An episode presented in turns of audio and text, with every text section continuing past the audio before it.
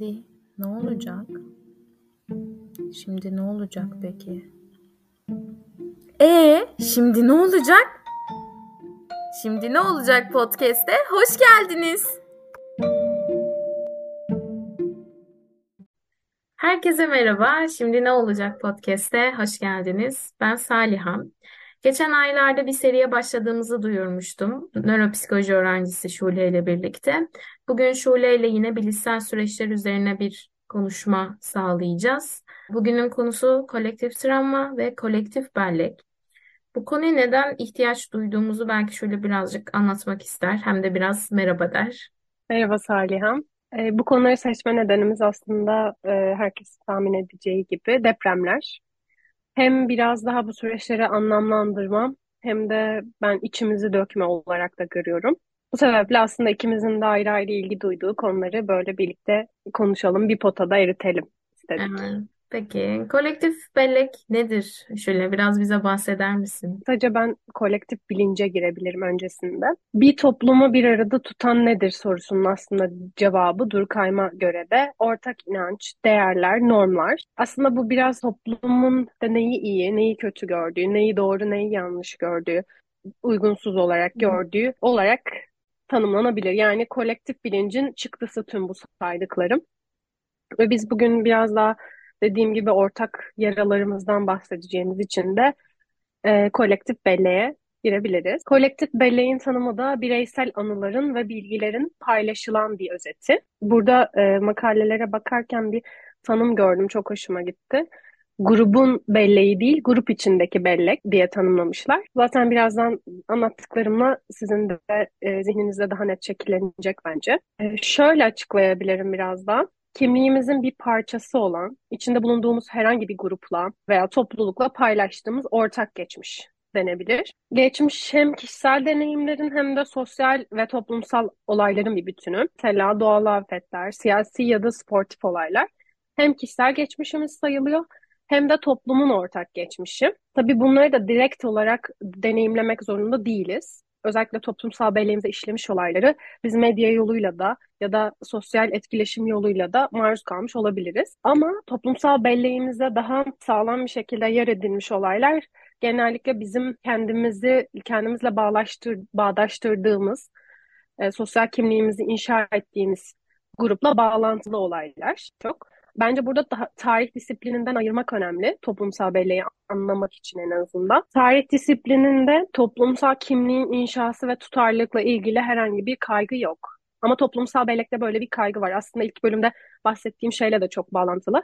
Biz kendimize bir benlik oluşturuyoruz ve bununla bağlantılı şeyleri yani oluşturmak istediğimiz aslında o benlik öyküsündeki e, öyküsüyle bağlantılı şeyleri hatırladığımız gibi toplumsal bellekte de bir bütünlük oluşturacak, bir tutarlılık olacak şekilde hatırlıyoruz. Ve burada şey de önemli. Belirsizliğe toleransı yok toplumsal belleğin. Hatta belirsiz olmaması için kestirme yollara başvurabiliyoruz. Bunu başka podcastlerde değinebiliriz bence bilişsel kestirmeler, çarpıtmalar, safsatalar pandemi, falan. Pandemi sanki buna da bir de güzel bir örnek belirsiz evet, kesinlikle. değil mi? Geçmişi dediğim gibi grubun amacı ve kimliğine uygun olarak şekillendirebiliyoruz. Bu yapılandırma süreci hem bazı şeyleri daha fazla hatırlamayı beraberinde getiriyor hem de bazı şeyleri görmezden gelmeyi de içeriyor. Mesela Irak Savaşı'nın nedeni olarak Irak'ta kitle imha silahlarının bulunması gösterilmiş. Sonra bu neden yalanlanmış ama Amerikalı bireyler yalanlanmasına rağmen nedene inanma eğilimi yüksek çıkmış. Aslında bunu yalan söylemek için yapmıyorlar ama kendileriyle tanımladıkları grubun belki bir savaş için bir gerekçesi olduğuna inanmak istiyorlar. Sanırım Almanyalı ve Avustralyalı katılımcılarla karşılaştırılıyordu. Bu nedene inanma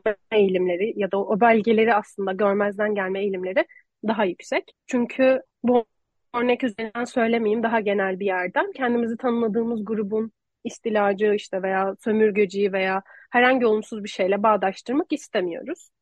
Ya da gerekçe buluyoruz kendimizce. E, toplumsal bellek çalışmalarının çıkış noktası da e, uyumluluk ve yanlış bilgi paradigması gibi yöntemler. Burada eşin deneyi belki hatırlıyorsundur psikoloji hı hı. lisans bilgilerimizden. E, bu gibi aslında paradigmalardan yola çıkılıyor. Burada da sosyal bulaşma paradigması kullanılıyor. Sosyal bulaşma paradigması da yanlış bilgi paradigmasının biraz daha sosyal etkileşim ortamında denenmesi. Yani bir kaynaktan çıkan bilginin sosyal ortamda nasıl yayıldığı ve belleği nasıl etkilediği araştırılıyor. Mesela bir tane buna örnek olarak işte deneyin başında tüm katılımcılara bir uyaran veriliyor. İşte kelime listesi olabilir ve bunlardan bazıları grup içinde hatırlanıyor. E, bu katılımcılardan bazıları deneyi tasarlayanlarla işbirlikçi. Onlar bilerek hatalı kelimeler hatırlıyorlar ve gerçekten katılımcı olan kişiler tek başına hatırlam hatırladıklarında bu hatalı kelimeleri de hatırlıyorlar. E, bu tip araştırmalar sonradan zaten toplumsal bellekle de yapılıyor ve e, işin garip kısmı katılımcılara grupta bazı kişilerin işte uyaranları hatalı olarak hatırlayacağı söylense de sosyal bulaşma yine de görülüyor. Özellikle bence burada garip olan bir şey daha var. Aktarılan bilgi e, kişinin var olan zihinsel şemasıyla uyumluysa sosyal bulaşma ihtimali daha yüksek oluyor. İşte burada bilgiyi kodlama süresi kısaysa daha e, yüksek oluyor. Ve bilgiyi e, aktaran kişi konunun uzmanı olarak adlediliyorsa. Mesela yine pandemiden örnek verilebilir. Televizyona çıkan bazı hani uzman olarak adedilmiş kişilerin aktardığı bilgiler e, doğru olarak görülebiliyor. Yani burada sosyal bulaşma ihtimali daha yüksek ve dinleyen kişiyle aktaran kişi arkadaşsa yani dinlediğiniz şey bir arkadaşınızdan veya tanıdığınızdansa yine sosyal bulaşma daha fazla oluyor. Yine böyle garip bir bulgu var bence burada. Özellikle işte aynı gruptan kişilerseniz, mesela ikiniz de aynı üniversitenin öğrencisiyseniz yine e, burada da daha yüksek oluyor. Ortaklaşa kolaylaştırma ve ortak yaklaşa ketleme diye iki terim de var. Burada bence bunlardan da bahsedebiliriz. Biz bir grupta bir toplumsal belleğimizle ilgili herhangi bir olaydan bahsediyoruz mesela. O grupta konuşulanlar bizim için bellek ipucu oluyor ve biz aslında normalde hatırlamayacağımız, tek başımıza hatırlamayacağımız şeyleri de hatırlayabiliyoruz. Ama bazen de tam tersi olabiliyor. Sosyal ketleme denen. Burada yine başka bir kavramdan bahsedeceğim. Aslında bence bunların hepsi ayrı bir podcast konusu olur ama bir parmak sosyal... çalıyoruz dinleyicilerimizin ağzına. Öyle e, evet. öyle diyebiliriz. Sosyal kaytarma gibi de olabiliyor. Mesela hani zaten birileri benim yerime şu an hatırlıyor gibi ya da o, o an hatırlayanların olayları işte beleğine çağırma yöntemleri bir, bazı kişiler için çok farklı olduğu için o an ketleme olabiliyor yani hatırlayamayabiliyor. Normalde hatırlayacağı şeyi grup içinde hatırlayamayabiliyor. Bir de medyanın çok büyük bir rolü var. Hı-hı. Tabii ki. Yani yatsınamaz. Burada mesela yine bir araştırmadan bahsedeceğim. 11 Eylül saldırısında o dönemin ABD Başkanı Bush'un nerede olduğu insanlar tarafından genellikle hatırlanmıyor. Ve kaynaklarda da genellikle yer almıyor. Aslında bu da medyanın anılarımızı nasıl şekillendirildiğiyle ilişkili. Bence yine hakikat sonrası dönemde kolektif bellekle ilgili bir şeyler çalışılabilir. Çünkü artık sosyal medyada işte kandırmacı ya da çarpıtma içeren haberler yayılıyor ve sonrasında bir itibar kaybı da olmuyor. Yani insanların eski oranla böyle kaygıları da yok. Ve bu da bizim toplumsal belleğimizi hmm. ister istemez etkiliyor. Çok kısa burada şeye girmek istiyorum e, şöyle. Bu şu anda da biraz gündemde olan bir konu. Özellikle şimdi yapay zeka çok insan gibi davrandığı için şu anda hangisi doğru, hangisi gerçek bilgi, hangisini işte bir yapay zeka üretti, hangisini insan üretti.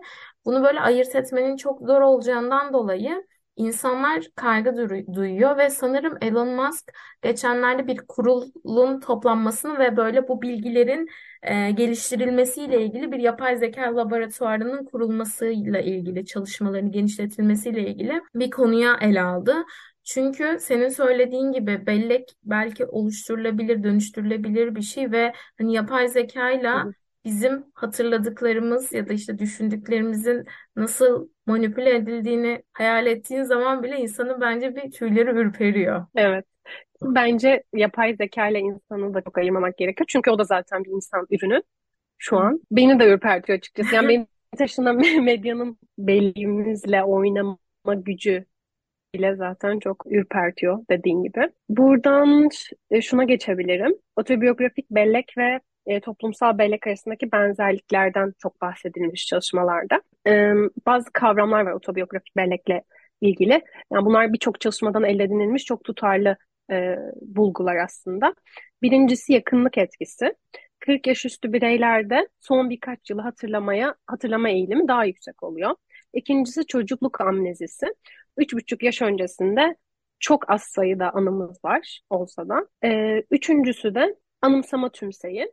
10 ve 30 yaş arasında çok fazla anı getiriyoruz bu yaş aralığından. 20-30 olarak da e, bakılan çalışmalar var. Ve bu zaten toplumsal bellekte de en çok çalışılan e, kavramlardan biri. Birazdan bununla ilgili araştırmalara değineceğim için bu kavramları açıkladım aslında. Bu anımsama tümseyle ilgili çok fazla açıklama da var. Mesela biz işte bu 20-30 yaşlarımızdan bizden, bizden aslında beklenen şemaya uygun şekilde işte mezun oluyoruz, evleniyoruz veya işte ilk işimize giriyoruz. Bu gibi şeyler biraz daha bunları unutulmaz kılıyor gibi bir kuram var. İşte e, bu yaşlar bizim kimliğimizin, sosyal ve bireysel kimliğimizin oluştuğu yaşlar. Bu yüzden buradan en çok anıyı getiriyoruz gibi açıklamalar da var. Toplumsal bellekte de kişisel anılarda olduğu kadar olmasa da yani o kadar tutarlı olmasa da benzer bir örüntü var. Bunlar genelde anket yöntemiyle edinilen bulgular. Buradaki açıklamada kuşak etkisi. Şöyle söyleniyor, anı tümseyinin ortaya çıktığı dönem kişinin içinde bulunduğu kuşağı ve toplu, toplumu e, ve topluluğu aslında ilk anladığı, anlamaya başladığı dönem.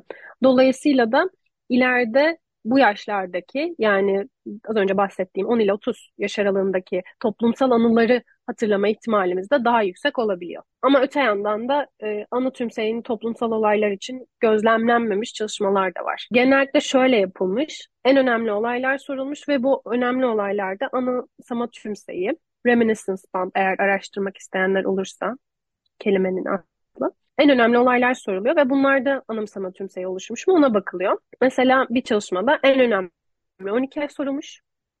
Bunlardan İkinci Dünya Savaşı, Kennedy suikasti ve Vietnam Savaşı için anı tümseyi oluşmuş. Geri kalan anılar için en önemli olaylar için oluşmamış. Hı hı. Ee, mesela Nazi olayları Almanya'da bir anı tümseyi oluşturmamış ama İsrail'de oluşturmuş. Özellikle yakını ve kendisi doğrudan etkilenen kişiler için. Yine ABD'de Sivil Haklar Hareketi siyahilerde anı tümseyi oluşturmuş. Türkiye'deki e, araştırmaya geçeyim buradan. Türkiye'de Tekcan ve arkadaşları tarafından 2013'te sanırım verisi toplanmış. 18 ve 83 yaş arasında 1205 katılımcıdan veri toplanılmış ve e, 1940'lardan itibaren dönemi kapsayan son 70 yıldaki en önemli, en sevindirici, en ümit verici, en gurur verici ve en korkutucu toplumsal olaylar istenmiş. Burada kişisel olarak zaten anımsama tümseyi çıkmış yani kişiler en önemli anıları sorulduğunda 20 ile 29 yaş aralığındaki e, anıları söylemiş. 40'lı yaşlardan itibaren. E, toplumsal olaylarda en önemli toplumsal olaylar sorulduğunda 40 yaş üzerinde bir anımsama tümseyi ortaya çıkmamış. Türkiye'de 40 yaş üzeri katılımcılar tarafından en sık belirtilen 10 önemli olay depremler ve askeri darbeler olmuş maalesef. Türkiye'de en önemli toplumsal olay olarak da 12 Eylül askeri darbesi 1980 ihtilali olarak da geçiyor. Hı hı. Bunu hatırlamışlar. Ve bunu hatırlayan katılımcıların %70'i bu olay olduğunda 10 ile 30 yaş aralığındaymış. Marmara depremini hatırlayan katılımcılar da, bu da ikinci en sık belirtilen olay, %72'si e, bu olay olduğunda yani Marmara depremi olduğunda 20-29 veya 30-39 yaş aralığındalarmış. Yani bu iki olay için 12 Eylül askeri darbesi ve Marmara depremi için yine anımsama tümseyi görülmüş. Ama kalan 8 olay için görülmemiş. Onlar daha çok e, yakın tarihte olan olaylarmış. İşte gezi olayları, barış süreci gibi olaylar. Yani sağlam yer edinmiş olaylar anı tümseyi oluşturuyor. Muhtemelen 6 e, Şubat depremleri de oluşturacak. Çünkü zaten bu anımsama tümseyini oluşturan en önemli nedenlerden biri bizim gündelik yaşam örüntümüzü etkilemesi. Hem fiziksel hem de psikolojik olarak. Ve bu da zaten çok büyük ölçekli bir deprem olduğu için hepimizi psikolojik olarak etkiledi. Bir, ülkenin birçok kısmını da fiziksel olarak da etkiledi. 11 Eylül saldırısı ile ilgili de Türkiye'de yapılmış bir çalışma var. Burada da şöyle ilginç bir bulgu var. Üçüncü günden altıncı aya kadar detaylar önemli ölçüde unutuluyor. Altıncı aydan on ikinci aya kadar daha sabit bir seyir görüyoruz. Ama kişilerin belleğinde ki güvende 10 yıl sonra bile e, düşüş yok. Yani detaylar unutuluyor. Bu başka bir çalışmadan 10 yıl sonra. Bellek yanılsamaları devam etse bile katılımcılar belleklerine yüksek düzeyde güveniyor. Şimdi ben e, aslında senden biraz da kolektif travma kısmını dinlemek istiyorum. Çünkü biliyorum ilgin var. Benim de çok ilgim var bu arada. Lisans döneminde çok severek takip ettiğim bir dersti. Senin ayrıyeten eğitim aldığını da biliyorum. O konuya da biraz girersek bence çok güzel olur. Tabii. Ben zaten zaman zaman podcastlerimde böyle minik minik deneyim Evet evet. paylaşımları yapıyorum. Ama kısaca belki travmadan bahsedip sonra kolektif travmaya geçebilirim. E, travma dediğimiz olay bir kişinin bir tehlikeli ya da zararlı bir durum karşısında kendini koruyamadığında ya da kontrol edemediği durumlarda deneyimlemesi sonucu ortaya çıkıyor ve bir stres tepkisi aslında. Bu durumlar böyle kişinin e, güvenliği ve yaşam kalitesini tehdit eden olaylar olabiliyor. Senin de bahsettiğin gibi işte doğal afet, savaş, taciz, fiziksel şiddet, trafik kazaları vesaire vesaire. Bunların hepsi bir travma sebebi. Eğer kişi psikolojik travma sonrasında yoğun bir kaygı, korku, işte üzüntü ya da işte çaresizlik gibi duygular yaşayabiliyor ve Ayrıca olayları hatırlamakta da güçlük çekebiliyor. İşte kabuslar görebiliyor, sosyal ilişkilerinde zorlanabiliyor. Bu durumda da kişi işlevselliğini, hayat kalitesini, işte yaşadığı o refahı e, etkileyebiliyor yaşadığı travma. Yani psikolojik travma tedavi, tedavi edilebilir bir durum tabii ki. Buradaki işte iyileşme kişinin olayları anlama, kabul etme ve oradaki on, e, olayların etkileriyle başa çıkma becerilerini geliştirmesiyle ilgili olan bir süreç. Çok sevdiğim bir görsel var. Böyle işte oradaki yaşanılan travmayı siyah bir sopa benzetiyorlar ve kavanozun içerisine koyuyorlar. Zaman geçtikçe oradaki acı sabit kalıyor. Acıda hiçbir değişim olmuyor ama kavanoz büyüyor. Yani bizim bu olayla baş edebilme şeklimiz büyüyor ya da gelişiyor. Acımız orada, acımız değişmediği bir şekilde duruyor. Yöntemimiz geliştiği için belki o olayla o olayın varlığı bizi daha az etkiliyor. E, kolektif travma nedir diyecek olursak da aslında burada bir toplumun bireyler arasında paylaşılan işte bir ya da birkaç stresli olay e, sonrasında ortaya çıkan bir psikolojik durum. Bunlar ne olabilir? İşte yine savaşlar, doğal afetler, işte terör saldırıları, belki işte siyasi baskıla zor, zorlamalar, göç, işte pandemi gibi salgın hastalıklar etkileyen konular. Ve bu noktada da yine toplumun refahını etkiliyorsa kolektif travmaya sebebiyet verebiliyor.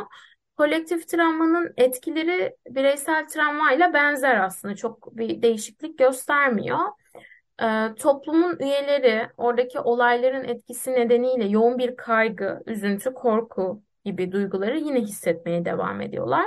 Toplumun kültürü, değerleri ya da yaşama şekli e, bu olayların etkisi altında kalabiliyor ya da değişkenlik gösterebiliyor. E, kolektif travma toplumun işleyişini ciddi şekilde etkileyebiliyor ve bu nedenle de olayların etkilerini azaltmak ve toplumun iyileşme sürecini hızlandırmak için toplumsal desteğe ve yardıma ihtiyaç duyuyor.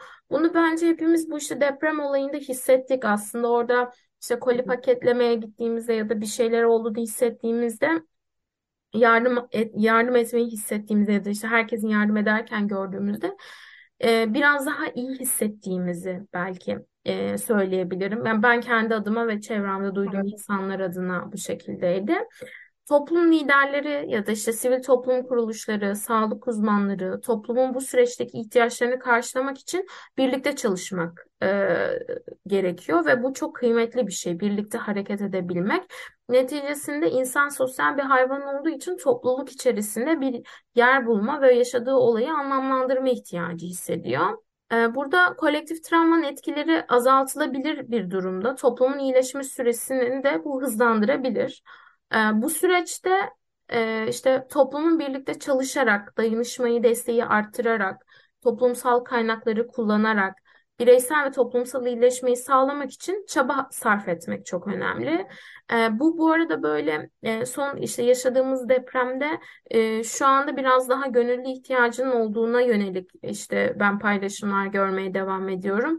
Yaşanan o olayla birlikte herkes ilk başta travma sahasına gitmek ister ama sonrasında Biraz daha buradaki yardımlar azalıyor.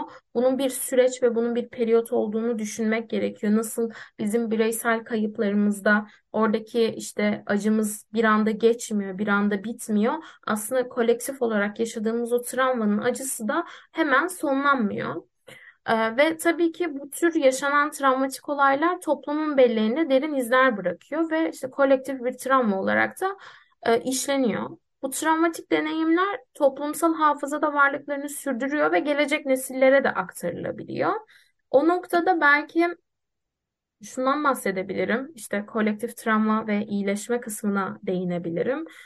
Hmm, travmatik anda da bildiğimiz üzere beyinde e, her şey işlenmiyor. Beyin kendini koruyabilmek adına biraz daha duysal anlamdaki kısımlar işlenebiliyor. Burada da buradaki iyileşmeyi sağlayabilmek için de birlikte hareket etmek ve dayanışma tekrar altını çizmek istiyorum. Ve işlenmiş travma, buradaki iş, travmayı işleyebilmek adına da sanat belki kullanılabilir. Özellikle dışa vurumcu sanatlar kullanılabilir. E, çünkü bu noktada yaşanan duyguların dışa vurması konusunda yardımcı oluyor. Nasıl çocuklar oyun oynayarak oradaki olayları tekrar işleyip tekrar kendilerini anlatmaya çalışıyor. Bizler de belki yetişkinler olarak e, bir sanat eseri kaygısı gütmeden ya ben kötü resim yaparım, işte ben kötü dans ederim demeden içimizde yaşadığımız o durumu, ihtiyacı dışa vurmak bize iyi gelecek olan şey ve tabii ki bunu toplumsal olarak da yapmak önemli olan kısım. Ee, burada e, toplumsal bellek oluşturma noktasında da yardımcı oluyor tabii ki sanat eserleri. E, bunun için hani böyle yaşanan özellikle soykırımlar sonrasında yapılan heykeller, anıt müzeler e, bunlara çok iyi bir örnek. Benim yine bir eğitim sırasında sanırım duymuştum. Budapeşte de parlamento binasının önünde olan Tuna Nehri'nin böyle kıyısı boyunca dizilmiş demir ayakkabılar var. İkinci Dünya Savaşı'na yaşanmış katliamı aslında simgeliyor oradaki ayakkabılar ve oradaki toplumun e, işte yasını tutmaya alan açıyor. Hem acıyı dönüştürmeye yardımcı oluyor hem de o yası işleme sürecine farkındalık çekmiş oluyor. Ee, siz de kendi pratiğinizde bunları deneyebilirsiniz. Ee, yaşanılan bu deneyimler toplumda açık bir şekilde konuşularak ya da bu olayların neden olduğunu, acıları paylaşarak ortak bir anlam yaratmaya çalışarak toplumda duygusal bir bağ kurmak aslında önemli. Ama eğer bunu yapabilecek gücünüz dahi yoksa benim çok sevdiğim bir etkinlik var. Ee, ben zamanda kanser çocuklarla çalışırken e, yapıyorduk bunu. Küçük küçük bir kaygı kutusu oluşturabilmek. Bir kutu oluşturup onu istediğiniz gibi işte boyayıp desenler e, desenler çizip içerisine sizi işte kaygılandıran, korkutan durumları e, o kutunun içerisinde bırakabilmek ve hayatınıza devam edebilmek. Çok minik bir pratik gibi gözüküyor ama ben işte özellikle pandemi döneminde böyle bunu deneyimledim e, ve bana iyi geldi. Deprem konusunda da böyle sanat pratikleri yine benim güçlendirici olarak gördüğüm kaynaklarımdan bir tanesi oldu.